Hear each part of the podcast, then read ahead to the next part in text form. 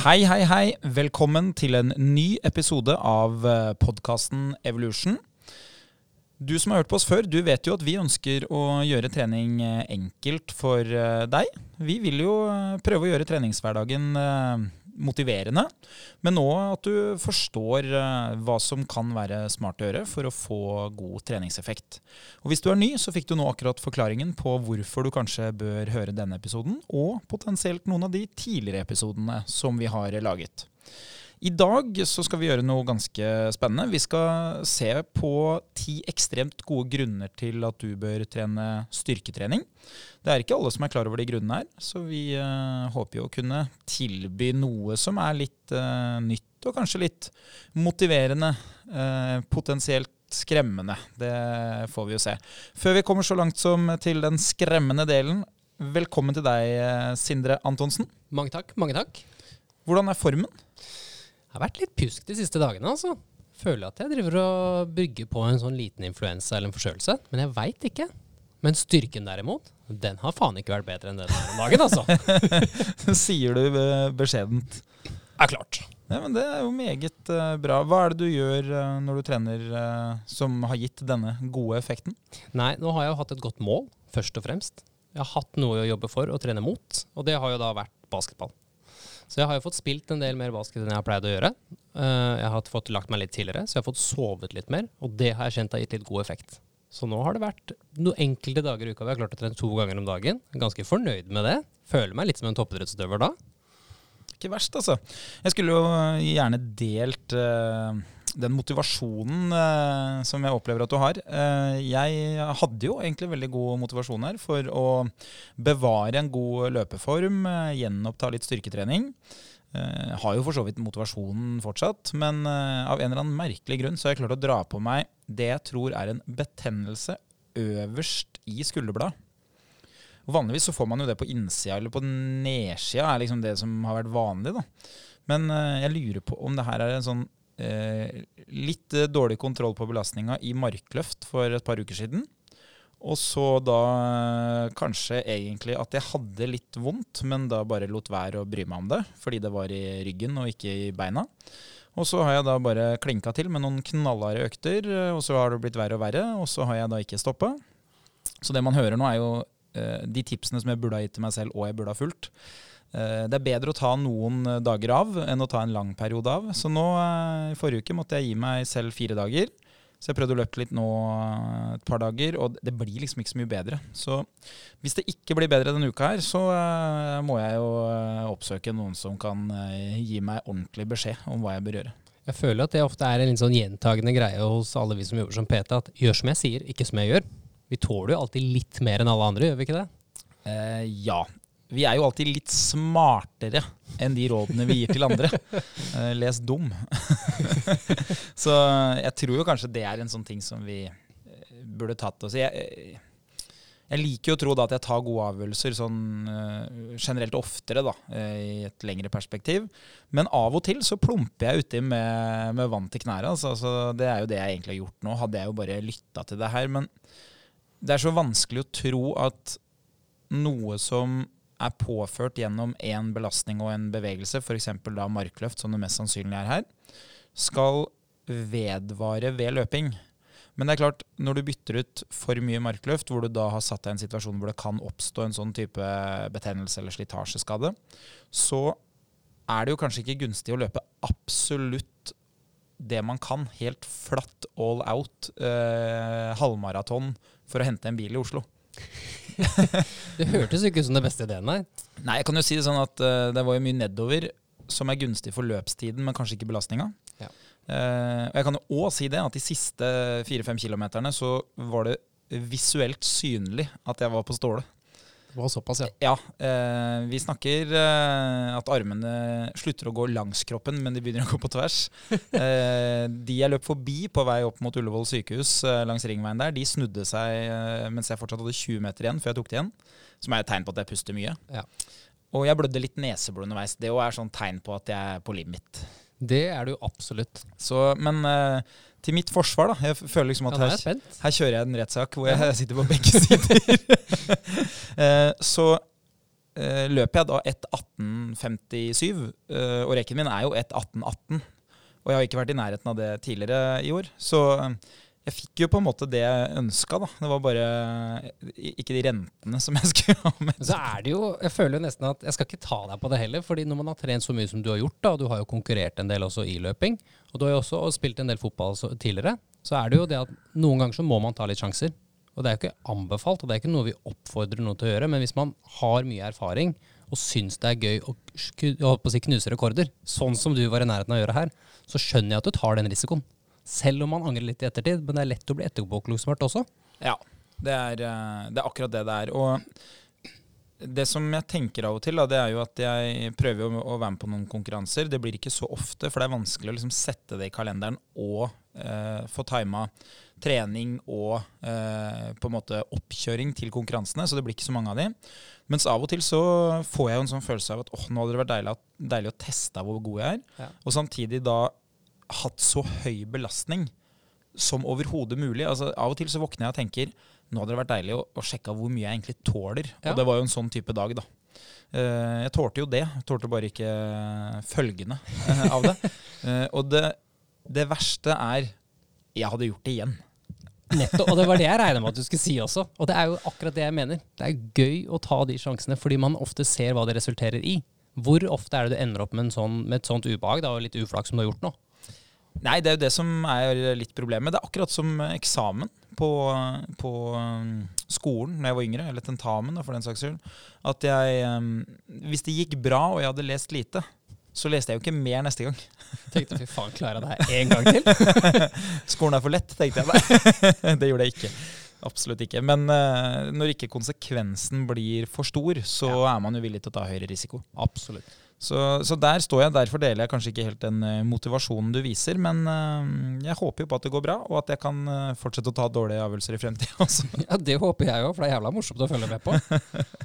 At det er noe med det. Altså. Det, er, det er jo litt sånn spennende, fordi det er kanskje lettere å sette seg inn i det å være med på de tankene rundt uh, ta risiko, ha vondt, kjenne på presset, enn om jeg hadde vært en som løp dobbeltterskel dobbelt terskel to ganger i uka og løp på 80 uh, Ja. som konkurrerte bra, men som aldri tok uh, dårlige avgjørelser. Det hadde jo vært veldig lite gunstig på hjemmebane. Da tror jeg hadde fått eh, et hardt samliv hvis jeg skulle påført det til de andre. Så derfor så må det bli litt sånn i limbo, som det heter. Ja. Det er noe med, med det. Du, vi skal på tur i morgen, du og jeg. Vi skal åpne et nytt treningssenter nede i uh, Tønsberg. Det stemmer. Blir det bra? Det tror jeg blir dritbra. Jeg har sett noen bilder av senteret nå, og jeg må jo si at det er jo strøkent. Altså, fy faen så kult. Så jeg gleder meg jo til å komme ned der og hilse på de som jobber der, først og fremst. Og se litt på hvordan det ser ut, møte medlemmene og få litt av den opplevelsen. For det er alltid hyggelig med nyåpning, og, eller åpning av nye sentre. Eh, nå skal jeg si en ting som er overraskende for veldig mange som ikke jobber med trening. Eh, Veldig lite overraskende med deg som jobber med dette hver dag. Men det er faktisk 1200 stykker som har meldt seg inn på det treningssenteret før vi åpner. Så visste ikke hvordan du så det på forhånd engang. Nei, de har jo bare sett bilder av andre sentre, sett bilder av byggefasen underveis. Og, vi bygger jo det vi kaller til døra. Altså Ja. vi, det er jo ikke sånn at vi er ferdig uh, for fire måneder siden og kan vise det frem og tester det og sånn. Det, det er sånn at uh, det siste gjøres nå. Uh, så jeg tipper det er noen som har betydelig høyere puls enn oss, som da er også nærmere Tønsberg enn det vi er. Som på en måte har ansvar for at det skal være klart til i morgen. Og det gjør jo at det er veldig veldig overraskende at det er så mange som ønsker å melde seg inn. Det er veldig bra. Én for Revo, selvfølgelig. Det er bra med medlemmer, og det er jo derfor vi åpner treningssenteret. Men det er også bra for folkehelsa. Yes. Og det er jo kanskje det jeg liker best av alt. Om ikke alle de skal trene der for all fremtid, og om de skal vinne OL-gull, eller vinne over seg selv, eller vinne over en venn, eller hva som er motivasjonen, er ikke så farlig for meg. Men det viser jo at det er en etterspørsel etter å få tilgang til å trene et sted. Noe som gjør at vi bidrar jo til en bedret folkehelse. Hvis bare brøkdelen av de menneskene benytter seg av fasilitetene, så har jo vi på en måte oppnådd et av våre delmål, som er å bidra til at folk blir i bedre form. Jeg syns det er helt fantastisk. Og det er jo nesten litt surrealistisk også å kunne sitte på den siden av bordet og se det at det er faktisk 1200 som sitter og gleder seg til åpning av nytt senter. Gleder seg til å prøve det utstyret som de aldri har sett før på forhånd. Det er jo helt sjukt. Ja, det er ganske spesielt. Så jeg syns det, eh, det er kult. Så det er jo morsomt å komme over sånne åpninger eh, som det der. Når det gjelder antallet mennesker som er medlem på treningssenter, så så du på noen tall på det i stad. Hvor, hvor mange er det? Stemmer. Nei, det er jo sånn at rundt 20% av befolkningen i Norge er medlem av et treningssenter. Så det er jo veldig mange som ser for seg at det er veldig mye mer. Og jeg som har en del venner som syns det er gøy med fysisk aktivitet, de sier at alle trener jo. Så sier jeg nei, det stemmer nok ikke helt. Men kanskje alle rundt i din vennekrets trener, for der er det normalt. Men når jeg går til moren min for eksempel, og spør hvor mange av dine venner er det som trener, da er det ikke nødvendigvis like mange. Men det er mange som liker å gå i marka og kanskje har andre vaner, som fortsatt er i fysisk aktivitet, men ikke nødvendigvis på et treningssenter. Nei, for Det er jo en interessant ting da, når vi ser på analyser av hvor stor andel av befolkninga som trener, da, altså penetrasjonen, mm. så ligger den på sånn et sted litt over 20 ja. Og Så er det alltid litt vanskelig å måle. Er det unike medlemskap? Har du medlemskap to steder? Altså De tingene der skaper jo litt vanskeligheter. Og så er spørsmålet skal du måle eh, prosent av potensialet i de som kan være medlem, eller skal du måle av alle? Kan en på syv år være medlem? Eh, nei, mest sannsynlig ikke. Kan en person på 15 år være medlem? Ja, men kanskje ikke alle steder. Så, så sånn sett så er jo en million medlemmer av eh, fem millioner mennesker eh, er jo mye. Ja, egentlig. Ikke sant? Så, så, så, sånne ting vil man jo måtte ta i betraktninga der. Men det er jo som du sier, da. Eh, fordi det spørsmålet der stiller jeg til de som skal inn og jobbe i treningsbransjen. Ja. De som er studenter og som er veldig treningsengasjert selv, og som skal da bidra til å hjelpe andre. Så stiller jeg spørsmålet hvor mange av Norges befolkning tror du trener på treningssenter? Angi det i prosent. Og da spenner det veldig ofte fra å være høyt i det laveste tallet, altså da at de ofte sier sånn 10-15% som egentlig er høyt sånn på europeisk eh, basis. Ja. Og så er det helt opp i sånn 60-70% i andre enden. Ikke sant? Og, og, det viser jo bare at selv de som er veldig engasjert, og sånn, de har jo ikke fasit på det. Men det det viser også, er jo at de tenker på bakgrunn av omgivelsene sine. Altså de, de bruker seg selv som utgangspunkt. Og så tenker de ok, av mine venner så er det jo kanskje sånn seks-syv av ti da, som er medlem på et treningssenter. Eller kanskje det er ti av ti. Men så er jo ikke alle jeg kjenner så engasjert som min nærmeste vennekrets, så da slår jeg av et par, og så blir det syv av ti. Ja, og så tror jeg jeg tror nesten også det går litt på Jeg tror man svarer på det svaret også med veldig mye følelser. Fordi alle vi som du og jeg møter, de som er glad i trening, spesielt som man underviser for, studentene, de elsker jo trening. Og de vet alle gode effektene de får av trening. Så for dem så er det jo helt naturlig å tenke at ja, men alle trener jo selvfølgelig, for alle vet jo hvor godt dette er for kroppen. Men det er det jo ikke. Det er veldig mange som ligger langt unna det å føle på den mestringsfølelsen man kan få av treningseffektene.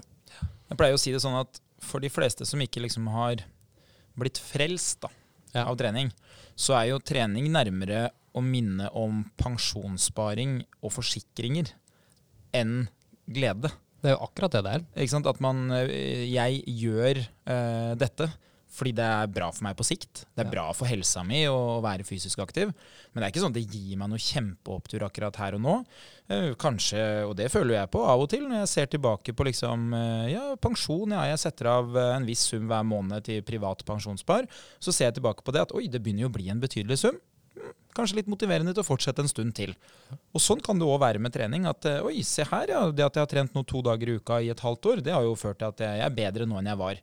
Ja, motivasjon til å fortsette fram til sommeren, f.eks.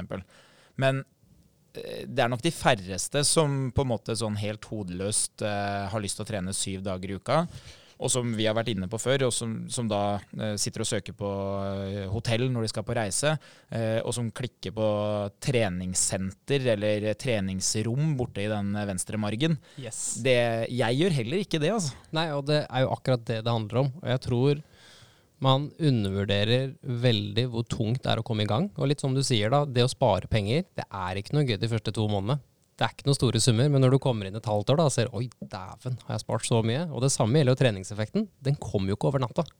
Det er jo noe som skal være ganske kjipt i starten. Du skal endre en vane. Du skal begynne med noe du kanskje har hatt veldig negative assosiasjoner til. Ikke hatt noe mestring på tidligere. Kanskje du ikke syntes det var noe gøy når du gikk på barneskole og ungdomsskole heller. Og så skal du begynne med det i voksen alder. Det høres jo ut som et umulig løp du skal løpe. Ja, og spesielt når du vet at jeg kanskje er mer tilbøyelig på å trykke på rooftop og basseng enn jeg er eh, Men det skal sies at det er jævla digg, det òg, da. Ja, det, det er jo noe med det, liksom. Jeg hadde jo fryktelig mange år hvor jeg pakka treningstøy i bagen og dro på guttetur. Brukte det aldri. Det er jeg jo slutta med. Har blitt ærlig med deg sjøl, Ja, har ja, det er ikke ment å skje. Selv om eh, det sikkert hadde vært folk som hadde vært mye mer tilbøyelige til å bli med på det i dag. Ja, mest sannsynlig. Men nå er ikke jeg tilbøyelig til å være på Trener man nok, er det det du sier? Så nøkkelen er egentlig å få en så god rutine at når du først er på ferie, så kan du ha ferie med veldig god samvittighet. Ja, jeg tror jo i mange tilfeller så tror jeg jo folk er villige til å starte. De er kanskje ikke villige til å starte så mange ganger uten at det blir lange opphold. Så jeg tror jo hvis du skulle endra en ting, så er det jo at folk hadde vært tøffere til å si ok, første uka etter ferien, nå starter det. Hvis de hadde vært gode til det, så tror jeg jo de hadde vært mer tilbøyelige til å kunne holde treninga i gang over lengre tid. da. Det er jo akkurat som jeg har nevnt her på podkasten flere ganger, og som jeg sier ofte til kundene mine, spesielt i januar. Så skal man jo komme tilbake og trene seks ganger i uka, og da spør jeg alltid hvor mye trente du sist du var medlem? Nei, én eller to ganger. Ja, men hvis du forestiller deg at du får til det nesten alle ukene i løpet av et år, så er det mellom 50 og 100 økter i året. Og da begynner vi å se ganske gode resultater. Og hvis du da får den rutina på at oi, jeg er her to ganger i uka fast, jeg har fått til det et år, da er det plutselig veldig mye lettere å legge til den ekstra gangen som fort gjør at det blir 150 økter i året. Og da kan du få til veldig mye, altså. Ja. Nei, det, hvis vi hopper tilbake igjen til den eh, metaforen da, med sparepengene. Ja. Er det ikke litt sånn nå, når folk skal begynne å spare, så, så skal de liksom spare så det monner litt, liksom? De skal spare sånn 5000 i måneden, og så var det Ja, det var alle pengene jeg kunne bruke, da, etter jeg hadde betalt faste kostnader. Så kommer måneden etter, så bare splurger for du orker ikke Så mer. blir det null, liksom. Ja, ja. Istedenfor at du hadde sagt at eh, nei, hver måned så skal jeg spare 500 kroner, da. Som du hadde klart å holde, liksom. Og etter et helt år så hadde du hatt penger der, plutselig. Det er vanskelig å være realistisk noen ganger, altså.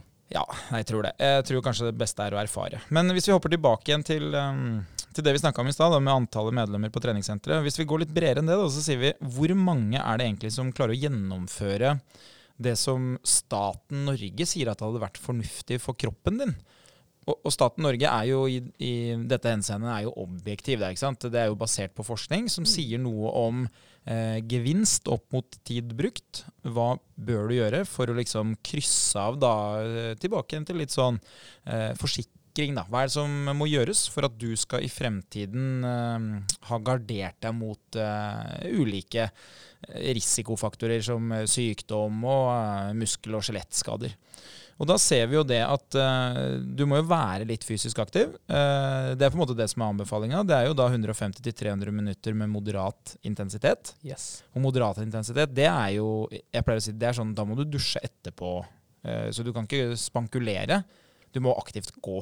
Den var fin. Ja, ja det, jeg tror den, eh, Det den tror jeg sitter godt for mange, altså. Ikke sant? Du, men du kan også da si at uh, vi skal være mer nøye enn det. Vi skal liksom, uh, staten vil at du skal uh, ha litt kontroll. Så da vil man at minst 75-150 minutter, altså si 1-2 timer, da, eh, skal da være med høy intensitet. Helt opp i 2,5 timer, faktisk. Eh, og det kan også være en kombinasjon av begge to, men, men hvis du har litt høyere intensitet, så kan du få lov å være litt mindre aktiv. Ja. Fordi gevinsten er litt høyere hvis du kjører litt tøffere, rett og slett. Men så ikke nok med det. Eh, De siste årene så har det også da blitt lagt til eh, at man skal på med litt eh, vekttrening, altså styrketrening.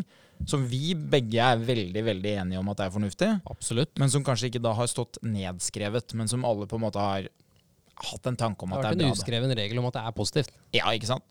Uh, og, og da er det jo lagt til en setning da, ikke sant, under her som er uh, Som en del av denne aktiviteten bør det gjennomføres øvelser som gir økt muskelstyrke til store muskelgrupper. To eller flere ganger per uke. Hvordan harmonerer det med hva du anbefaler til de fleste som kommer inn? Altså vanlige folk, da, ikke de som driver toppidrett? Jeg vil si at det egentlig harmonerer ganske godt. Jeg vil jo, de fleste jeg møter, de har jo ikke trent så voldsomt mye i livet sitt. Så jeg sier jo ofte det at hvis vi får til én til to ganger i uka, og helst to, så kan vi få til veldig mye. Og der pleier vi å legge inn en kombinasjon av å trene litt tung styrke, kanskje få opp hjertepumpen litt, så man prøver å sjekke av flere bokser på færre økter. Så man rett og slett ikke trenger å bruke så mye tid på treningen. Og være litt taktisk med det, da. Du har jo hatt et, eh, et kall et dobbeltliv. Altså ikke eh, dobbeltliv i den forstand at du har gjort to ting samtidig, men du har jo hatt I'm eh, James Bond. Ja, ikke sånn. Men du har hatt et annet liv før treningsbransjen. Som kanskje befinner seg litt i andre enden. Ja. Det er jo mer eh, Jobben er hard nok. Eh, det er jo håndverkerbransjen. Stemmer. Det er jo du da selv som har gjort litt narr av det her, så du har jo på en måte Dette her tuller jeg masse. Du har jo hatt førstehåndsinformasjon om at det her er ofte det som blir sagt, da. Tredjegenerasjons håndverker er jeg også, tro meg. Her kan vi gå i detaljer. Ikke sant? Det, så det er ikke jeg som sitter her og blåser ut fordommene mine. Hva, hva ville Sindre anno den tid trodd om antallet som oppfyller disse kriteriene? Hvor, hvor mange prosent av befolkninga ville du tenkt den gangen at klarte å gjennomføre liksom Jeg vil jo påstå at hvis de hadde sagt til eh, studentene, da, som jeg refererte til i stad, Ja. at dette er anbefalingene, så ville veldig mange av de sagt ja, men det er altfor lite. For de bruker seg selv som referanse. Her to ganger i uka burde trent fire. Det hadde vært mye bedre. Så, så de har jo en tanke om at dette her, det bør jo være enkelt å få til. Jeg må jo si det uten å skulle trykke noen ned, at det er ikke noe hemmelighet det du sier, Andreas. Og det er helt sant at i byggbransjen så er det veldig mange som trener på jobb. Løfter tungt nok, gjør nok arbeid. Så gjør man jo egentlig ikke det. Og jeg skjønte jo at det er ingen som trener ved siden av. Det er en veldig liten andel. Det er gjerne de yngre. Det har blitt et større fokus, og det er litt sånn som det har blitt generelt i samfunnet, sånn som det er. Men alt i alt så er det veldig lite fysisk aktivitet ved siden av arbeid, altså. Og jeg skjønte jo det når vi satt på skolebenken og gikk gjennom de tallene her, så var jeg på den helt andre siden av spekteret enn det kanskje mange av de andre medstudentene mine var. Og det er jo fordi jeg har jobbet med det, jeg har stått litt i det, og jeg har møtt veldig mange. Jeg har vært heldig og vært i arbeidslivet veldig lenge til å være relativt ung. Men hvis jeg, hvis jeg forstår deg riktig, så da, det blir egentlig litt sånn um, en rar kombinasjon. da. Ja. Fordi basert på hva de sier, så skulle man jo tro at eh, den tidligere utgaven av deg ville tippa at det var mange som oppfylte kravene. Ja. Og, det stemmer kanskje? At Ja. eh, du ville tippa jeg vet ikke, 70-80 som eh, Ja, men det her må jo de fleste få til. Ja, egentlig. Men hva tipper du nå? nå som du har kunnskap om det og møtt masse mennesker og satt deg inn i mange studier. Man har vel kanskje sett realiteten at de aller færreste Det er nok en tre av ti, vil jeg tippe. Og det stemmer vel ganske godt overens med forskningen også. Ja, de siste tallene er jo tilbake til 2021, da. Eh, Ja. Så det er jo eh, en stund siden. Men eh, de har ikke hatt noen utvikling før det, så de har vært ganske stabile. Og, de sier jo da tre av ti.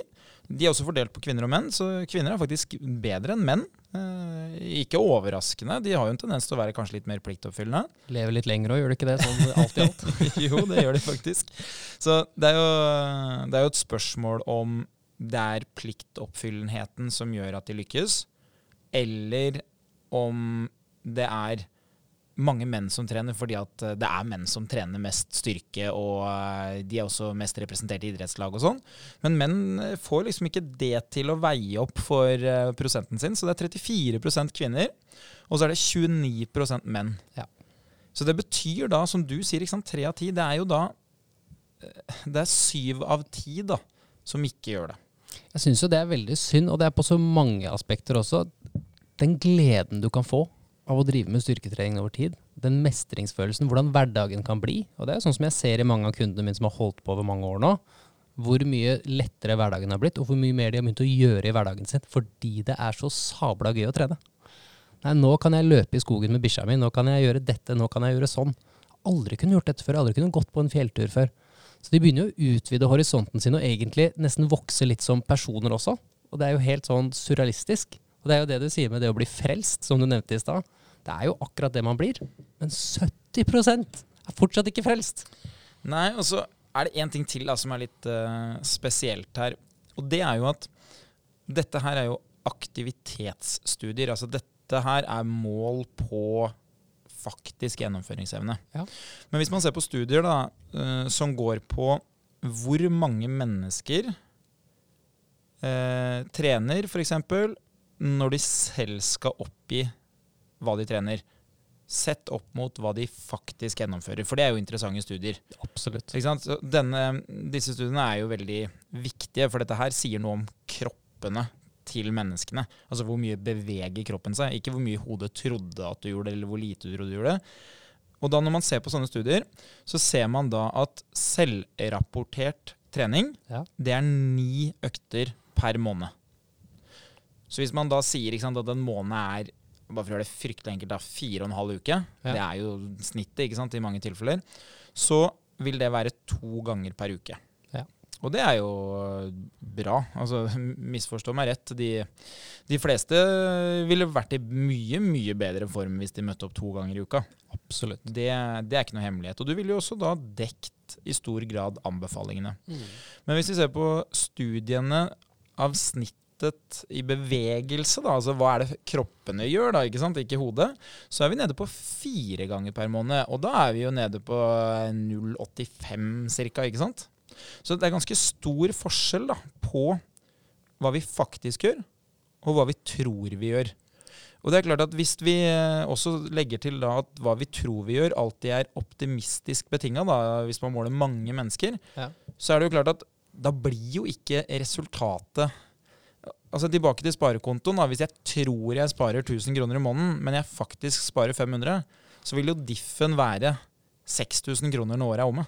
Er ganske skuffende. Jeg vil jo påstå at forskjellen på 6000 og 12 000 når året omme, er jo betydelig. Ja, det vil jeg tørre å påstå. Så det som er viktig her, er jo på en måte at man liksom eh, er ærlig med seg selv. Da, i hvert fall. Eh, Det, er, det er greit for meg hvis du argumenterer godt for å trene én gang i uka. Altså, I noen tilfeller så kanskje det er riktig òg. Men eh, det er veldig dumt hvis du tror du trener to ganger i uka og ønsker effekten av to ganger i uka, men leverer innsats tilsvarende igjen. Ja. Så det, det ser vi jo. Er dette noe du opplever også blant mange av de menneskene du har møtt på veien? Absolutt. Det er jo en sånn klassiker. Jeg har trent masse. Jeg trente masse før i tida. Masse, jeg spilte masse fotball og da jeg var yngre og holdt på. Har liksom vært aktiv veldig mye, da. Og så er jeg sånn Ja, men det står her at du er 54 år. Eh, Du sa du spilte fotball som ung. Hva legger du egentlig ung? Så er det sånn Nei, altså det er ikke så lenge siden. Og så Ja, du skjønner hvor vi skal hen, ja. Nei, det er 30 år siden, da. Og så har, ser man plutselig at oi, du har ikke vært så aktiv du, de siste par åra. Du var i kjempegod form når du var i militæret, men du bryr deg mer om AFP, for du skal snart gå av. det er jo knallhardt. Ja, nei, det er, eh, det er noe eget med det, altså. Um, det som jeg ofte hører, da, det er at folk forteller meg hva de hadde tenkt å gjøre. Men de, de legger det ikke fram som at det var det de hadde tenkt å gjøre, de legger det fram som at det er det de gjør. Så hvis jeg lager et treningsprogram til deg med tre økter i uka, og du i løpet av en tiukersperiode kanskje har klart det to ganger, men du har åtte ganger trent mindre. Altså Ja. du har si et par av de trent én gang, og så har du kanskje fem av de trent to ganger. da. Så ville du ha sagt til meg at jeg trener tre ganger i uka. Ja. Det, det er på en måte det du ville ha sagt, fordi det er jo det treningsplanen sier. Det er det som er intensjonen din. Og det er kanskje der vi lurer oss selv litt uh, i hodet. da, At vi, vi teller ikke hva vi faktisk gjør. Vi, eh, vi teller mer det vi hadde som intensjon, som vi tenker at er bra, og som vi tenker at den andre vil høre. Eller som vi vil høre oss selv si til den andre. Det er det som er så synd. Vi, være, vi er veldig opptatt av å skulle imponere veldig mange andre. Når dette er en kamp du skal ha med deg sjøl, så skal jeg hjelpe deg på veien til å få den kampen til å bli lettest mulig. Og det er jo akkurat her eh, min eh, motivasjon for å bruke treningsklokke kommer inn. Ja. Det er at den ljuger ikke. Altså Treningsklokka mi den, den har mange fine funksjoner, men å gjette det driver den bare med når det kommer til kalorier. Det er helt riktig. det. Ikke, ikke når jeg løper, men hvis jeg trener styrke, så gjetter den litt. eh, det, det skyldes hvordan man måler det. Men den gjetter ikke på tid brukt på trening. Nettopp. Antall dager trent, hva jeg trente, eh, hvor langt jeg løp. Altså de tingene, det er klokka innforstått med. Og Det betyr at da kan jeg jo lett ha kontroll. Og det er jo det det er snakk om her. Da slipper jeg å føle. Jeg kan ha kontroll, og det gjør det lett for meg å se at ok, det jeg har gjort nå denne måneden, førte ikke til det resultatet jeg ønsker. Ok, da må jeg være flinkere til å gjennomføre. Ja. Eller sånn som jeg kan se nå da i treningsdagboka mi. Ok, de eh, 36-39 kilometerne som jeg rakk å løpe på tre dager i starten av forrige uke, de burde kanskje vært null, basert på hvordan det kjentes ut eh, øverst til høyre bak på ryggen. Man lærer mens man lever. Ja, ikke sant. Nei, det er noe med det. Jeg eh, tenker at vi skal hoppe videre til eh, de ti gode grunnene til å trene styrke. Ja, det syns jeg. Da må vi nesten referere til en som vi snakka om før sending her, som for øvrig er kanskje en av mine favoritter. Altså sånn Han er litt unik. Og det er jo han som heter Michael Buffer. Aha. Vet du hvem det er? Jeg er litt usikker, faktisk. Nå Eh, skuffer jeg deg. Kanskje beklager for det. Nei, det navnet er ikke så kjent, men jeg tipper jo du vet hvem, eh, hvem det er. Eh, hvis jeg sier til deg at han er Han er jo eldre enn du tror. Han, Jeg må jo treffe på det du tror, da. Ok. Eh, han er kanskje 65. Ja. Han har lyst hår. Han har kanskje den retteste hvite tannrekka i, i USA. Og så reiser han rundt, og så sier han bare eh, flere setninger, da, men du vil nok tenke at han bare sier én kort setning med noen ord. Å, nå vet jeg hvor vi skal. Og han eh, får eh, altfor godt betalt. Og eh, det du tenker på, er jo at han flyr rundt og sier 'let's get ready to rumble'. Det er jo det eneste han sier. Ja, det er det eneste han sier, bortsett fra at han sier mer. Eh, og han har da Jeg tror han har tatt patent på å si det. Og det han sier egentlig før det, tror jeg er uh, 'for the thousand in attendance', altså de tusenvis som sitter i salen og ser på, Ja. 'and the millions watching worldwide'. Let's get ready to rumble.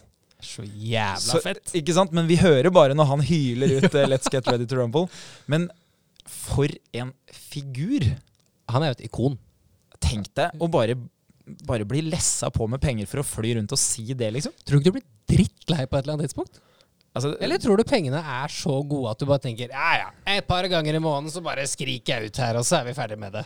så er det klart Hvis du sitter på rad én da, når Tyson biter av øret til Ollefil der, så er jo det Det tror jeg var ganske hissig og spennende, altså. ja, Eller eh, Nikolai Valujev, eh, den russiske bjørn på to meter med hår ut av øra og 135 kilo, eller hva han var. Når han boksa mot han eh, David Hay. det det? Det bildet er Det ser ut som tømmerhoggeren møter eh, moderne treningskunst, altså. Det det, er det sjukeste bildet jeg har sett. Men det ser i hvert fall ut, da, det kan være fordommene mine igjen, men det ser ut som den første lønna til Michael Buffer gikk til tannlegen. Det skal du ikke se bort ifra. Jeg tror ikke han har brukt Colgate for å få det hvite smilet der. Altså. Jeg skal sjekke hvor gammel han er, men jeg, jeg, jeg, minnes, Jeg tipper over 70. jeg minnes at han var eldre enn jeg trodde. At han, han holder seg bra. Hva som holder han bra, vet jeg ikke, men han holder seg bra. Ok, let's get ready to rumble.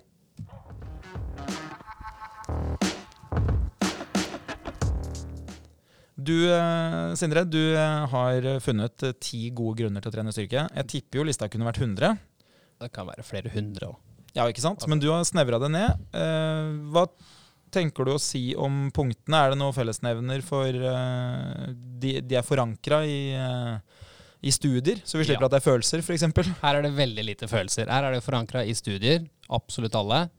Og det er det som er så fint med det. Det er at Man har forsket veldig masse på styrketrening opp gjennom årene, og man har funnet gode effekter på hvorfor det skal være viktig for hvert enkelt individ. For det er jo sånn at veldig mange som tenker og assosierer ordet styrketrening, de tenker kanskje på litt sånn som i gamle dager, store bodybuildere og muskuløse kropper som står ved kjetting over på treningsmagasin.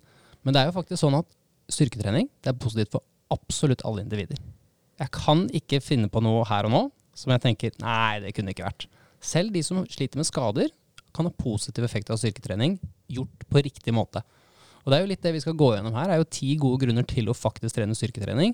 Og det vil jo treffe litt forskjellige grupper, som gjør det litt spennende for hver enkelt som lytter. Ja, for det som er urettferdig for mennesket i dag, er jo at vi har tatt fra kroppene, da, hvis vi bruker det Ja. uttrykket for å beskrive at det ikke er hodet som tar avgjørelsen. Uh, vi har tatt fra eh, kroppen til folk muligheten til å drive med styrkerelatert aktivitet. Ja. Altså Hvis du tidligere var bonde eller du var tømmerhogger altså Det var veldig stor andel av befolkninga som var knytta til fysiske, praktiske oppgaver. Og det er veldig vanskelig å komme seg unna at det påfører deg god styrketrening. Og ikke minst det å bare gå til jobb. Altså du, du tenker sånn som i dag, da. Jeg er jo spesielt en synder på sparkesykkel. Altså det, hvor lite hverdagsaktivitet man faktisk får til bare å gå til jobben. Gå tilbake fra jobben, bære handleposene til og fra hjem. Veldig lett og praktisk å bruke bil og kollektiv i dag. Ja, for jeg må jo si det at En ting som jeg føler har endra seg bare i løpet av mitt liv, da, i løpet av de årene jeg har observert, så har det gått sånn at i starten da jeg var ung, så sa vi gjerne at folk var late. Du er lat, eller han er lat, fordi at man sneik seg unna aktivitet. Ja. Mens nå føler jeg i mye større grad at folk har behov for å fortelle meg at jeg er avviket fordi jeg er fysisk aktiv. Yes. Eh, og det samme føler jeg jo litt av og til når man har diskusjoner rundt eh, kropp rundt beskrivelse av det. Eh, og da tenker jeg jo ikke sånn generelt på overvekt og de tingene, men jeg tenker mer på at eh, man liksom aksepterer at BMI-skalaen, den burde vi kanskje ha flytta, fordi folk er høyere på BMI-skalaen enn det de var før. Hvor jeg tenker, men, men det er jo bare en beskrivelse av helserisikoen ved den kroppsvekta. Helt enig med deg. Det handler jo ikke om å, å, sette folk i bås i form av hvem de er. Det handler jo bare om å eh, kunne i store befolkningsundersøkelser avgjøre om f.eks. Norge sett opp mot Sverige har høyere risiko for sykdommer eller ikke. Yes. Kanskje man skal gjøre tiltak i Norge fordi Norge har høyere gjennomsnittlig kroppsvekt, eller høyere BMI, da, som, eh, som man egentlig da kan måle uten at man må ta alle mennesker inn og måle dem på en vekt og sånn. Det er jo veldig enkelt å bare oppgi høyde og oppgi vekt, og så har du på en måte det tallet, istedenfor å drive med sånn kroppsanalyse og målbånd og sånn av alle. Ja. Så, eh, så jeg tenker jo liksom at eh, vi, vi, har kommet dit at det å være en, en streber som trener mye, da, som var høyt akta i samfunnet før, det er plutselig blitt litt sånn Veldig mange vil ha resultatene, men de har ikke så lyst på oppgaven, liksom. Ja. Uh, og jeg synes jo, jeg pleier ofte å si det til kunden min at jeg tror det viktigste målet her, spesielt om man har lyst på bedre helse og liksom gjøre en livsstilsendring, så sier jeg det må være at du kommer til legen, så tar dere disse, alle de testene dere skal ta, så sier han tommel opp, du er frisk, du kan fortsette videre, gjør akkurat som du gjør. Og det er jo som du sier, da, når man ønsker å flytte disse parameterne, så gjør man jo ikke man gjør seg selv en bjørnetjeneste. Og liksom, ok, det er kortvarig glede. Yes, nå følte jeg meg kanskje litt bedre. Det var jeg kanskje ikke så ille allikevel. Men det er jo ikke det vi er ute etter. Vi er ute etter å hjelpe. Vi er ute etter å si at nå trenger du faktisk litt hjelp, og her er vi for å bidra. Ja, for hvis, du skal være veldig tøff, da. Ja. Igjen, jeg er jo veldig glad i metaforer, da, for det er jo en enkel måte å hekte på de som ikke har på en måte forkunnskapen om det, da, og som syns at det man snakker om er vanskelig. Så, så, vil jo det å flytte parameterne bli litt som å si at i Norge så er det fryktelig mange som har høy gjeld. Det er veldig mange som faktisk har eh, kredittkortgjeld. Og fordi at det er så normalisert, så sier vi bare at ja, men det utgjør ingen risiko. Det, det er greit, det. Eh, det å ha null kroner til overs eh, og faktisk ha lånt på litt ekstra, det er helt greit, for det er det alle andre gjør. Og så plutselig så ryker vaskemaskina, eller så må bilen på reparasjon, og du trenger bilen for å levere i barnehage og kjøre til og fra jobb, f.eks. Da. da vil jo jeg påstå at risikomessig så hadde det vært smart å hatt litt ekstra på en konto. da. Det, mm. det er bare det jeg ville tenkt, i hvert fall. Ja, og det, jeg syns det er synd at det skal være litt galt å si. Det er jo egentlig veldig positivt, og det jo, kommer jo fra et veldig godt sted hvor man gjør deg en tjeneste på sikt. Ja, nei, det er, eh, det er, mange sånne ulike ting, og jeg, vet ikke hvorfor det blir sånn, men um, en regel som jeg opplever, er jo at flertallet bestemmer. Ja. Så hvis det er mange nok, så kan man få de rareste tanker til å bli de riktige tankene. Og det er jo kanskje det som skjer da, når det er bare tre av ti som oppfyller uh, anbefalingene. Da fins det syv av ti som kan diktere litt uh, hva som skal være riktig og galt. Helt riktig. Og Så vil jo det treffe ulikt, så noen vil jo tenke nå at er det sånn? Det er jo ikke sånn i min gjeng, liksom. Og så vil du ha andre som tenker åh, kan ikke dere bare slappe av med den treningspraten? Gi oss heller noen treningstips som gjør det enkelt å lykkes. Så det, det vil ofte være sånn. Ok, nummer én da på listen, hva er det? Det er jo kanskje den mest selvforklarende av alt økt muskelmasse og styrke. Nei da. Men det er jo åpenbart for veldig mange. Og, men det er slik at regelmessig styrketrening det kan ikke bare vedlikeholde muskelmassen, for det gjør det jo også. Det er veldig viktig å påpeke. Men det kan også øke muskelmassen. Og økt muskelmasse det er jo positivt for veldig mange forskjellige ting. men det er jo litt sånn estetisk òg. Det er ikke det man skal være så opptatt av det estetiske, men jeg opplever det at alle mine kunder som har fått litt økt muskelmasse, de pleier å komme bort til meg og si at du, nå jeg kjenner at jeg har fått litt sånn på underarmen, så har jeg blitt litt sterkere. Jeg har fått litt mer muskler. Jeg kjenner på lårene mine at de har blitt litt fastere og litt hardere. Og jeg ser jo at det er jo en glede i den mestringen og det å ha oppnådd noe så gøy som man kanskje har trodd tidligere at nei, det går ikke for meg. Ja, det er klart at uh, det er jo et slags resultat av innsats. Ja. Eh, så jeg vil jo si at jeg skjønner jo motivasjonen i å, å fortsette med trening og opprettholde det, hvis man, uh, hvis man, merker at kroppen endrer seg til kanskje noe man egentlig ønsker. da. Og så er det jo et annet uh, viktig poeng her, da, og det er jo at ved å ha god styrke og litt mer muskelmasse enn det man hadde hatt hvis man bare var i hvile, da, så vil jo oppgavene du møter i hverdagen, bli lettere. Ja. Så, så du tar jo ned risikoen for å oppleve noe som enten er ubehagelig eller som potensielt kan skade deg, gjennom at du tåler belastninga bedre. Og tenk deg hvilken følelse det er da, å slutte å leve i frykt og bare kunne Nei, du ser noe du aldri har gjort før, nei, men dette prøver jeg. Hvorfor ikke? Så er du ikke redd for at det ikke skal gå. Nei, og der vil jeg gjerne tilbake igjen til den historien du fortalte, med kunden din som har en ganske tung fysisk jobb. Ja. Hvor man i starten kjenner på litt sånn vondt i ryggen og ubehag, fordi det man gjør på jobb, er det tyngste. Så, så ubehaget er jo reelt. Absolutt. Ikke sant? Men med enkle tiltak så kan man faktisk kanskje finne en løsning på at det ikke utgjør den samme risikoen og frykten lenger. Og da Hvis man trener styrke, da, og gjerne liksom tung styrketrening, kanskje eh, i det caset her, da, eh, markløft fordi man skal løfte ting, så er du kapabel til å løfte godt over 100 kg på trening. Du vet hvilken slitasje det påfører, du har kjent på følelsen av det før. Yes. Det å løfte ting på 30-40 kg da på jobb er plutselig piece of cake. Ikke sant? Og det kan godt hende at det fremprovoserer de samme følelsene. Det kan også hende at eh, det ikke gjør det fordi kroppen din tåler det veldig godt. Men la oss si at i noen caser så gjør det faktisk det. Du kjenner det litt i ryggen og sånn. Men da har du en mye større aksept for å tåle den følelsen, fordi det her kjenner jeg jo igjen. Det har jo vært mye verre andre ganger når jeg har trent. Ja, og så er det som du sier da, hvis oppgaven har blitt piece of cake, da er det sånn at når du er ferdig på jobb, så er det ikke tungt lenger. Da er du masse overskudd av energi, så når du først kom inn på treningssenteret og sa at jeg kan bare trene én gang i uka, for jeg har ikke så mye energi, jeg er sliten nok fra før, så finner du ut at ja, jobben er så lett nå, at nå har jeg masse overskudd, da vil du plutselig gjøre ting på fritida, du åpner hverdagen for mye mer. Og jeg kan jo si det sånn at eh, det å gjøre ting som er lettere enn maks, det er ganske lett for kroppen. Ja. Problemet oppstår jo når maks er uh, veldig lavt eller dårlig i forhold til den oppgaven du skal gjøre. Så Derfor så kan det være smart å trene styrke. Altså. Har du uh, punkt nummer dos? Det har jeg, vet du. Det er bra for skjelettet. Og da er vi jo spesielt inne på tung styrketrening. Har du hørt det før? Du, jeg har uh, hørt det, og jeg har også sett sånne studier av uh, tetthet i benmassen. Ja. Og der ser man jo at uh, hvis du belaster benmassen, så blir knoklene sterkere. Yes. Sier seg jo selv, men òg Det virker jo litt rart. Ja, spesielt når man Benskjørhet er jo noe spesielt veldig mange kvinner opplever når de kom, blir litt eldre. Og det er jo veldig veldig skummelt. Lett å knekke bein, lett å få liksom, skader på skjelettet som vanligvis man vanligvis aldri ville fått. Og jeg opplevde det også med en kunde som Det var et eller annet veldig merkelig hun gjorde. Det var ikke noe tungt. Eh, og det var da hun skjønte hun hadde fått osteoporose. For da hun kom til legen. Hun hadde vel lent seg over et eller annet litt raskt. Og så fått et slag på om det var ribbein eller et eller annet. Så hadde hun fått litt vondt, gått til legen og fått beskjed om at dette har du knekt. Eh, og det ser faktisk ut som at du har osteoporose.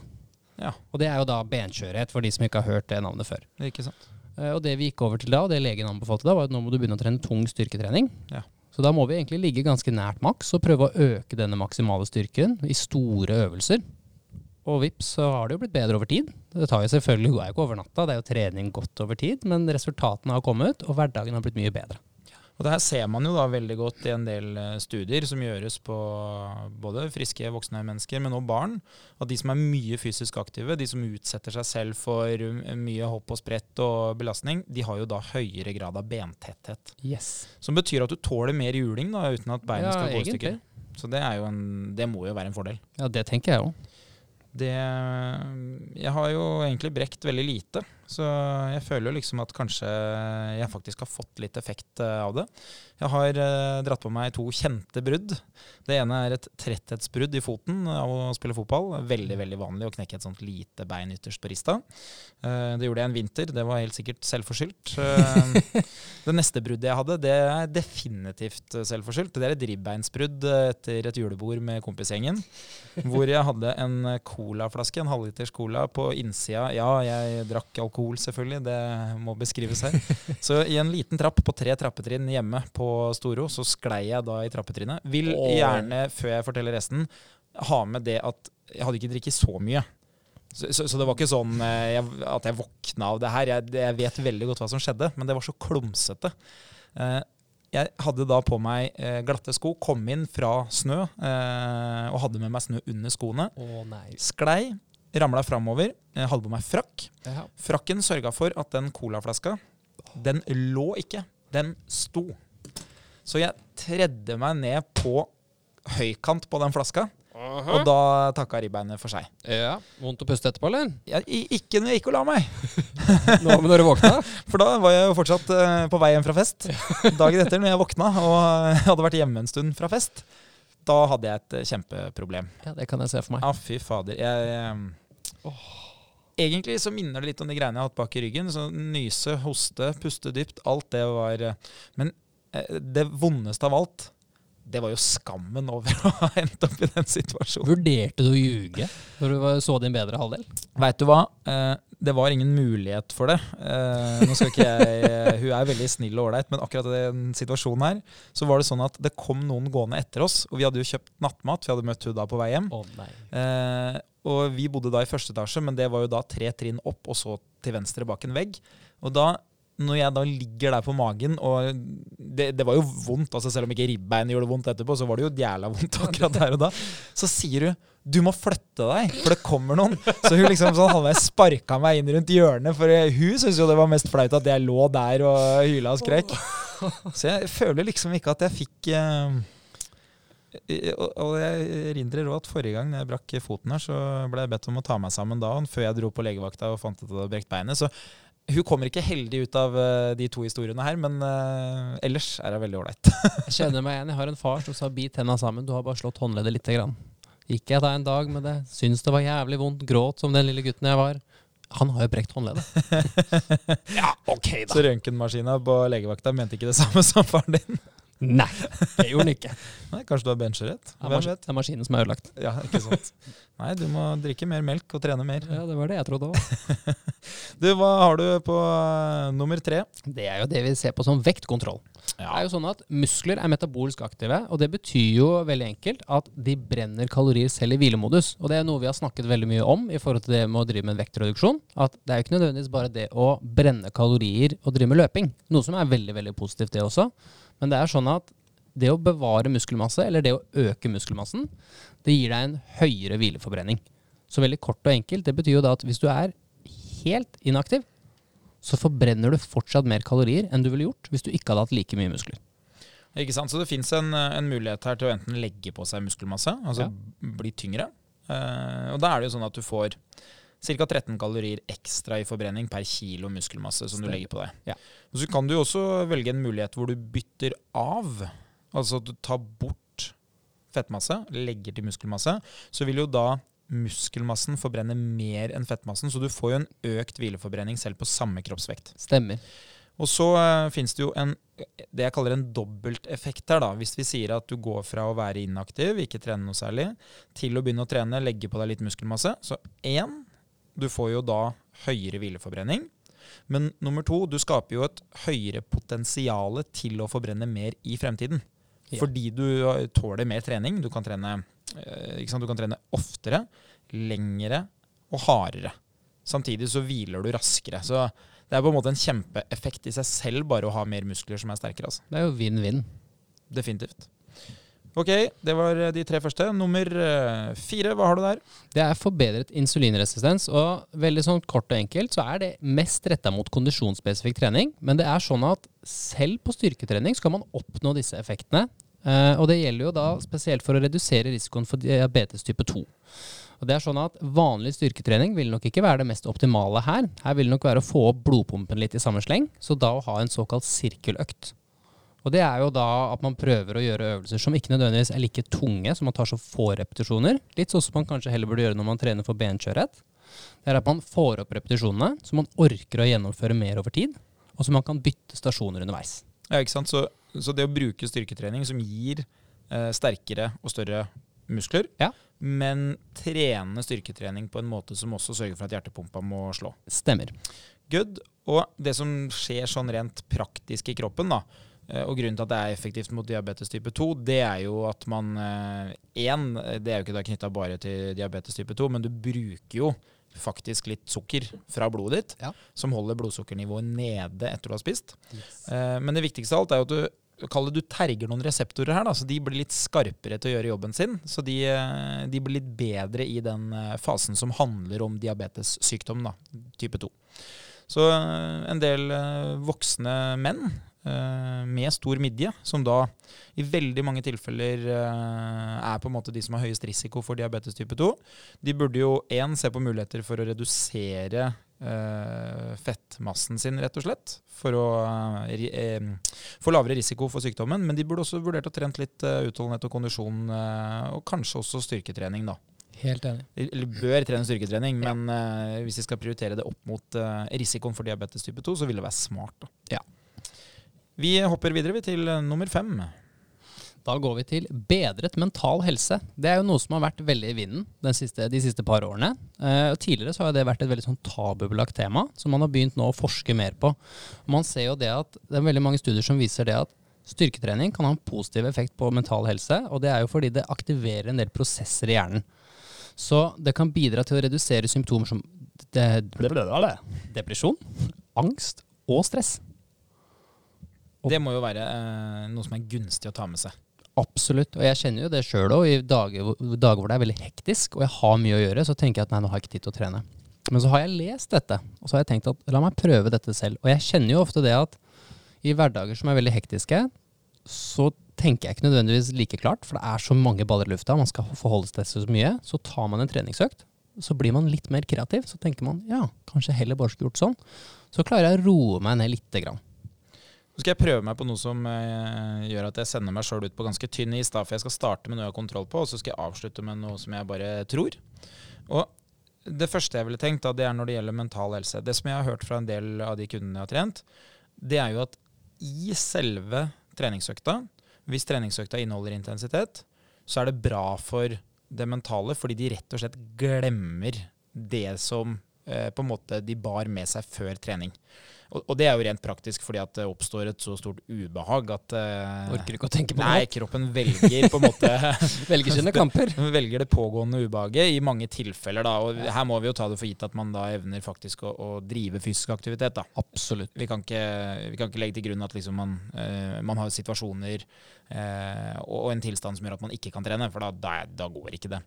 Eh, og så er det jo sånn at det å trene, det utskiller jo en del hormoner. ikke sant? Du får en del endorfiner her som gjør at du faktisk blir lykkeligere av å trene. Stemmer. Så det er jo da effekt nummer to. Og så har jeg fått en del tilbakemeldinger fra mange at det som er fordelen med trening, det er jo sikkert en kombinasjon av at de vet at det er bra for seg. Så derfor så er det på en måte noe som bidrar positivt mentalt, fordi de oppfyller en oppgave som de vet de burde ha gjort. Ja. Mens på den andre sida så er det også noe stabilt over det. Fordi det er på en måte deres kropp. Hvis de kjenner oppgavene de skal løse, så ligner de litt hver eneste gang. Det er jo det som er litt kjedelig med trening, at uh, egentlig er det ganske likt. Vi har de samme musklene. Belastninga er nesten tilnærma lik fra gang til gang. Forhåpentligvis står du litt mer hver gang. Så det gjør at det er en eller annen form for stabilitet i oppgaveløsninga som skaper trygghet.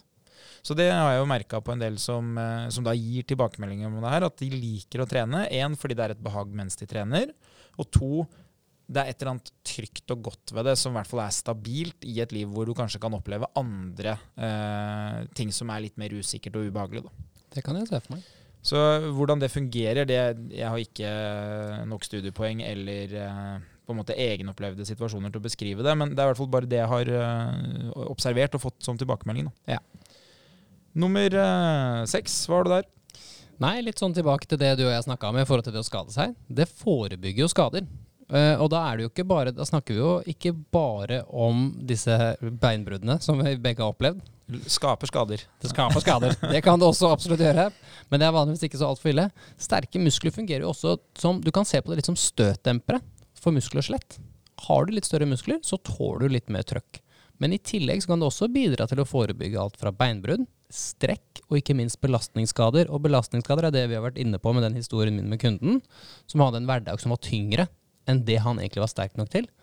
Og strekkskader for de som trener ganske mye og kanskje løper en del og har mye eksplosive bevegelser. Så gjerne da idrettsutøvere. Fotballspillere er jo en klassiker. Håndballspillere f.eks. Og ikke minst basket. Ja, for det handler jo i stor grad om at du øver på det du skal gjøre. Ja. Eh, og det du skal gjøre, det vet du ikke. Ikke? Det kan oppstå tilfeldig. Det kan være at du rett og slett skal gjøre noe for mange ganger på rad. Eh, sånn eksempel på det kan jo være at du eh, skal kjøpe deg møbler på Ikea, som er en ekte historie fra en kundedame, som er litt morsom.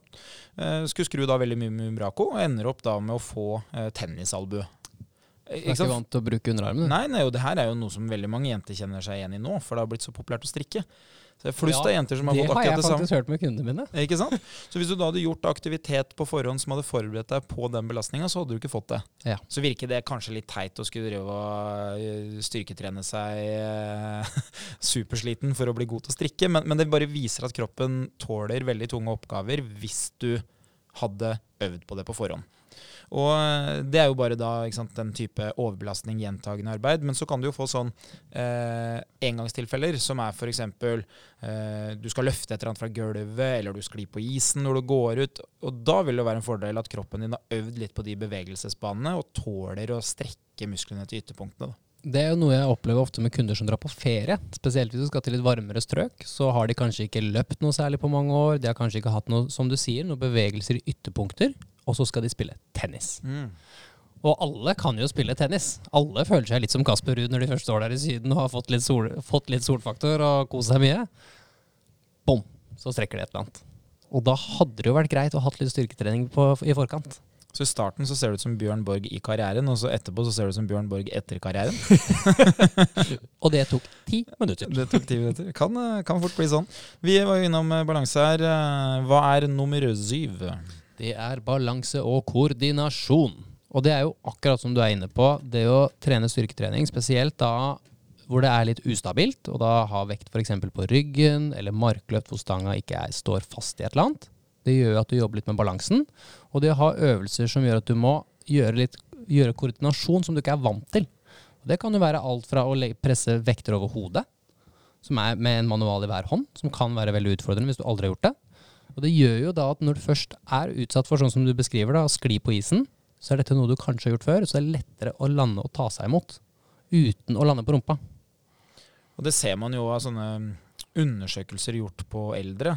Ja. At uh, hvilket aktivitetsnivå og på en måte fysisk tilstand du har hatt da, før du blir gammel. Altså, nå er det vanskelig å sette en definisjon på liksom, oi, der ble du gammel. Men hvis man måler da befolkninga generelt, og sier vi måler alle som er 80 år, så er det ofte et ganske stort samsvar mellom hvor sprek du er da når du er 80 år, kontra hva du har drevet på med i si, de siste fem årene før du blei 80. Men Det er jo sånn som vi så med gjesten vår her, når Magne var på besøk.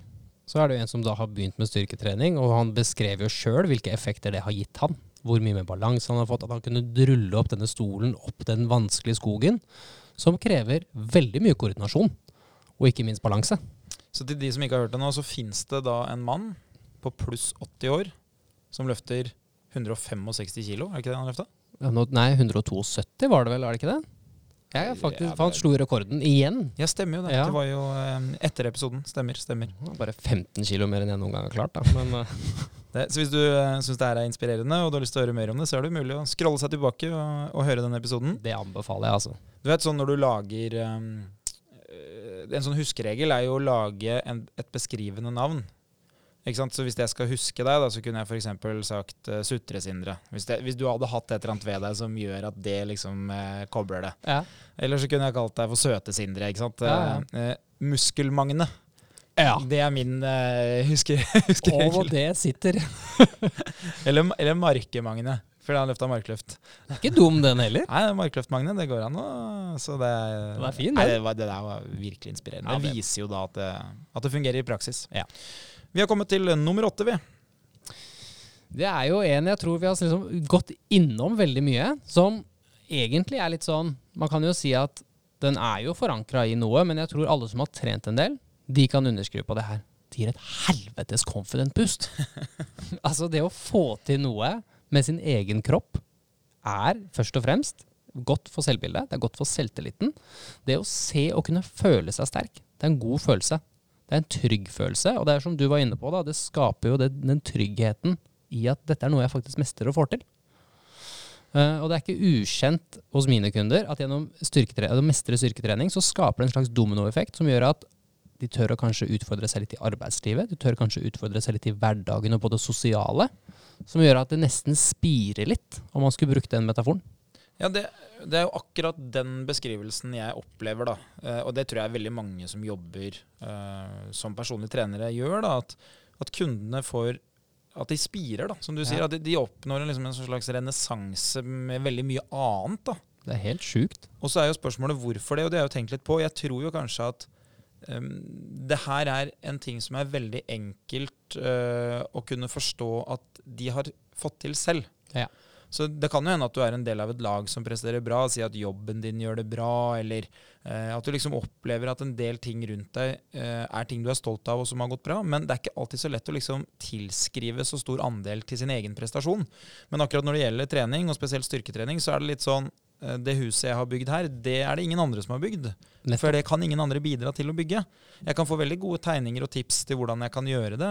Så ref av treningsplaner og hjelp av en PT. Ja. Men til syvende og sist, så jeg har jo ikke løfta noe vekt for mine kunder. Altså, Jo mer vekt jeg løfter for mine kunder, jo svakere vil jo de bli, på en måte. ja, det er jo helt riktig. så, så jeg har jo bare stått der og heia, eh, Ja. og sørga for at de kommer seg dit de skal. da. Så det, det er et godt poeng, altså at man får liksom en sånn um, type selvtillit av det, og et bedre selvbilde. Ja. Nummer ni, vi begynner å nærme oss uh, slutten her. Hva har du der, da? Det gjør vi. Det er bedre søvnkvalitet. Regelmessig trening, inkludert styrketrening, har blitt assosiert med bedre søvnkvalitet. Og det er jo ikke så innmari rart. Hvis du har mye energi som du ikke har fått brukt opp, kall det litt sånn at du har litt overlada batteri, og så er det rett og slett for mye energi. Du har kanskje for mange tanker i hodet. Så skal du legge deg, så kan det være vanskelig å sove. Men hvis du har hatt en tung styrkeøkt tidligere på dagen, helst ikke opp mot at du skal legge deg. Det er jo veldig viktig å påpeke at det er jo en del studier som viser at det å trene nært det å skulle legge seg, det kan være litt dumt, for da kan det hende at du er litt gira. Da pulsen kan være litt høy, og du kan ha litt, sånn, litt overtenning, rett og slett. Men å trene tidligere på dagen og slite ut kroppen litt, gjør jo at når du først treffer den puta, så er det godt. Ja, jeg kan kjenne meg litt igjen i det. da. Jeg vet jo at det er store forskjeller på om folk er gode til å sove eller dårlig. Altså, eh, ikke at det er en mulig prestasjon å gjøre noe med, men liksom at de beskriver sin egen søvn som god og dårlig, og om Ja. de liksom sovner godt og ikke føler noen ting før de våkner, eller om de våkner mange ganger på natta. Men en av de tingene som jeg selv har merket, da, det er jo at de gangene hvor jeg får trent bra og er i god form, så sover jeg også bedre. Og jeg tror litt at det er en, det er en differanse mellom full aktivitet og tilstedeværelse og full total avkobling. Ja. Eh, som gjør det lett for kroppen å forstå liksom at ok, nå er det hvile, nå er det aktivitet. Mens det jeg har merka på en del kunder, er jo at når de trener lite og har mye annet som foregår, så sover de også veldig dårlig. Litt rolig, da. Ja, fordi kroppen er ikke så sliten, ikke sant? Ja. Så kroppen har det det er hodet ditt som har behov for hvile, ikke, ikke kroppen. Altså det er ikke fysisk hvile kroppen din trenger. Yes. Og det er litt sånn vanskelig da å gå og legge seg når en kropp ikke trenger fysisk hvile, men hodet ditt trenger det. Og det er jo sånn at tenk deg da når du også får økt søvnen, så er det sånn at da får du økt restitusjonen, som gjør at du igjen kunne trent litt til, Mm. orka litt mer, hverdagen blir litt mer avslappende, og da får også hodet kobla litt mer. Men så er det jo lett å si det at liksom det å trene mye og tungt og sånn er bra for å sove bra. fordi i fasen hvor du går fra der du er til å komme dit, så vil det være en belastning. Ja. Det er samme som å begynne å trene. altså Du blir mer sliten av å begynne å trene. Det er ikke noe hemmelighet. Absolutt ikke. Men du får energi et eller annet sted lenger ned i gata fordi at du har bygd opp en type bank eller toleranse som gjør at du får et overskudd som er større enn kostnaden. Da. Helt riktig. Og Det er liksom å spare penger, som vi har vært inne på mange ganger. Altså Den første måneden du begynner å spare penger, så har du faktisk mindre penger. Ja. Ikke sant? Og det har du nesten hver måned framover òg. Men du kommer til å sitte igjen med en reserve som til slutt gjør at du føler at du har mer enn det du har av kostnad for å skape da den sparekontoen. Og på en uværsdag, når du har ødelagt vaskemaskinen eller bilen har gått i fillestykker, så er du jævlig glad for at den sparekontoen er full. Ja, det er da du liksom eh, kjenner på det, da. Så det, det er helt klart. Skal vi ta det siste punktet her òg? Det beskrives jo kanskje litt bedre med det vi snakker om nå. Ja, det syns jeg absolutt. Økt livskvalitet. Altså, styrketrening gjør ikke bare at du føler deg bedre fysisk, men det kan også forbedre livskvaliteten din. Det kan gi deg energi, som vi har snakka om. Det kan forbedre humøret ditt. Og det kan til og med bidra til en sunnere livsstil. Og det er jo noe vi ser i veldig mange av kundene våre, at de begynner å ta bedre valg i hverdagen. Det er ikke bare plutselig at jeg skal møte opp på trening. Hm, kanskje jeg skulle spist en banan etter trening. Kanskje jeg skulle tatt den før. Kanskje jeg skulle fått med meg noen proteiner. Jeg har aldri tenkt på proteiner før. Er det bedre enn fett? Hva er forskjellen? Så man begynner å bli veldig bevisst på alle de små tingene i hverdagen som gjør at man blir litt mer optimal. Det er jo en veldig god beskrivelse. Eh, jeg kjenner jo på det at liksom Det å være i en sånn god modus da, hvor man trener og man føler man sover godt om natta, sånn, det, det, det skaper jo på en måte en rustning som gjør at jeg tåler eh, uforutsette hendelser. da. Så Ja. Hvis det dukker opp noe om det er på jobb eller hjemme, eller, så er det liksom sånn Jeg har kontroll på de tingene som eh, er viktige for meg. Og at det dukker opp eh, noe av og til, det er jeg forberedt på. Men det er klart hvis jeg skulle gått og kjent på at liksom, ok, jeg får ikke til de tingene som er bra for kroppen min heller, så ville liksom det bare blitt en enda større ryggsekk da, med utfordringer som jeg bærer med meg. Og det er jo ikke noe hyggelig i det hele tatt. Den blir bare tyngre og tyngre. Og vi har jo ikke blitt noe sterkere. Nei, det er det som er. Så jeg tror liksom det å begynne i det små Hvor, hvor lite kan du gjøre for at du fortsatt skal kunne kalle det styrketrening eh, steg én? Én gang i uka kan forandre veldig mye om du ikke er vant til å trene. altså. Hvis jeg har eh, null peiling, null tid, og jeg kan by på én gang i uka, hvor lite kan jeg gjøre i den styrkeøkta? Jeg ville kjørt fem øvelser. Én for hvert ledd. Så én hvor jeg presser noe vekk fra kroppen. En hvor jeg presser noe over hodet. En hvor jeg trekker noe ned fra huet. En hvor jeg trekker noe mot kroppen. En hoftebevegelse, og da er vi inne på den øvelsen du og jeg snakker så mye om, markløft. Og kanskje en som er for knærne. Ja. Det kan gjøre veldig stor effekt, og da anbefaler jeg altså at du følger det samme programmet, at du ikke endrer så mye på øvelsene, og at du faktisk prøver å gjøre, se om du kan bli sterkere. For det er ofte veldig morsomt. Ja, så eh, hvis man skal sette navn på det, så blir det da nedtrekk, sittende roing, Ja. skulderpress, Mhm. brystpress, Ja. og så f.eks. markløft Ja. eller knebøy. Ja. Da har ja, nå fått sa jeg seks øvelser, men fem er jo egentlig ja, da får du fullt pakett. Ja, og hvis du da kjører en ja, Jeg liker å si f.eks. en 9-12 repetisjoner, tre serier på hver av de, så kan du tenke det at den gangen du klarer 12 repetisjoner på alle øvelsene, eller f.eks. på sittende roing, da, da går vi ned til 9, og så gjør vi det litt tyngre. Og når vi da klarer 12 av den nye vekta, så går vi igjen ned til 9, og så øker vi og øker. Så vi får det vi kaller progressiv overbelastning. Ja, det høres ut som en god idé. Jeg tror man kan komme veldig langt det, ved å gjøre det her, faktisk. Jeg har sett det i veldig mange tilfeller også. Hvis det føles litt fjernt for deg, så er jeg veldig fan av at uh, bare det å gjøre noe egentlig sørger for at du uh, blir bedre. Så jeg, jeg har jo gjort en uh, sånn egenstudie av og til. Og det er jo hvis jeg er på ferie med noen andre som jeg vet ikke trener styrke. Så pleier jeg å by på én styrkeøvelse. Jeg prøver å snike inn det ved at vi vet at det er det vi gjør. Men jeg selger også inn at vi ikke skal gjøre noe mer enn det. Og hvis det er gutter, så er det alltid pushups. Så da sier jeg f.eks. at uh, i dag så Jeg skal ikke trene noen ting, men jeg har ett mål for dagen. Og det er at jeg skal ta uh, tre serier med pushups. Om jeg gjør det etter de tre første ølene jeg skal drikke, eller om jeg gjør det bare nå med en gang for å bli ferdig, det er samme. Uh, men eh, det er ikke det jeg har mest lyst til å gjøre i dag. Men hvis du er gira på å bli med, så gjør vi det bare unna når det passer for deg. Og det er så lavt innsteg at det blir de fleste med på. Men det jeg har observert, da, og grunnen til at jeg gjør det her, det er jo at de aller aller fleste de begynner plutselig å trene litt mer styrke etterpå. Det er helt sjukt. Ikke sant? Fordi at det at de har trent én gang, gjør at de blir, pga. at de ikke har trent noe på en stund, støle i brystet. Ja. Og så når de da har blitt litt støle i brystet, så kjenner jeg litt på det i dagene etterpå. ikke sant? At ja, men denne følelsen her er jo en følelse av at jeg har gjort noe jeg burde ha gjort oftere. Og neste gang så blir det da pushups, men så blir det kanskje litt situps òg. Og da har ballen begynt å rulle. Ja. Og det er ikke viktig for meg hvor vi starter, men det er hvor vi skal som er viktig. Jeg er så enig med deg. Og det er det jeg tror mange som lytter på, ofte glemmer. Er at startpunktet ditt er kanskje, som du sier, med et par pushups, tre serier på en dag. På en dag, ikke på ti minutter. Men om en måneds tid så er det kanskje både situps, pushups og til og med noe knebøy. Ja, for det er jo de som sier at vet du, jeg har ikke tida til det. Sorry. Det, at du ikke prioriterer det, det er helt greit for meg. Men sant, når vi skal nå eh, rydde opp her etter at vi er ferdig med episoden, så, så kommer det til å ta meg 20 sekunder å ta 10 pushups. Ja. Så det, det er jo ikke det som er problemet. Det er frykten for ubehaget. Ja, eller at jeg rett og slett driter i det. ja, Det kan, jeg være, det kan jeg være med på, det er ikke noe problem. Men jeg er veldig fan av at vi må, vi må være ærlige overfor oss selv. Altså, vi, må, vi må være klar over at det er aktive valg vi tar, Ja. selv om vi har en passiv innstilling til det. Og, og det går greit for meg. Altså, hvis du er villig til å bære risikoen, ikke noe problem. Men på en måte ikke sitt der etterpå og vær misfornøyd når du har tatt veldig mange valg som har økt risikoen. Ja. Det, når den vaskemaskina ryker, så har du jo valgt hver måned å ikke sette av 500 kroner. Ja. Ikke sant? Det er, ja, man kan godt si at jeg har ikke penger til det. Det skjønner jeg. Der er det faktisk en begrensning. Men, men hos de aller fleste så finnes ikke den begrensninga når det gjelder egen fysisk kapasitet. Det er 24 timer i døgnet, og vi har tid. Det ser jeg, for det, det, det kan du gjøre sjøl også. Gå inn på telefonen din, og så går du på det som heter skjermtid. Og jeg kan love deg at det er ganske mange som sitter her nå og kommer til å tenke i helvete så mange timer jeg bruker på telefonen. Kunne tatt litt pushups, si. Ja. Du, vi eh, runder av. Vi, vi har ti gode grunner til at du skal trene styrke. Jeg håper at folk liksom tenker nå Vet du hva, jeg trener for lite styrke. Jeg tar ti pushups.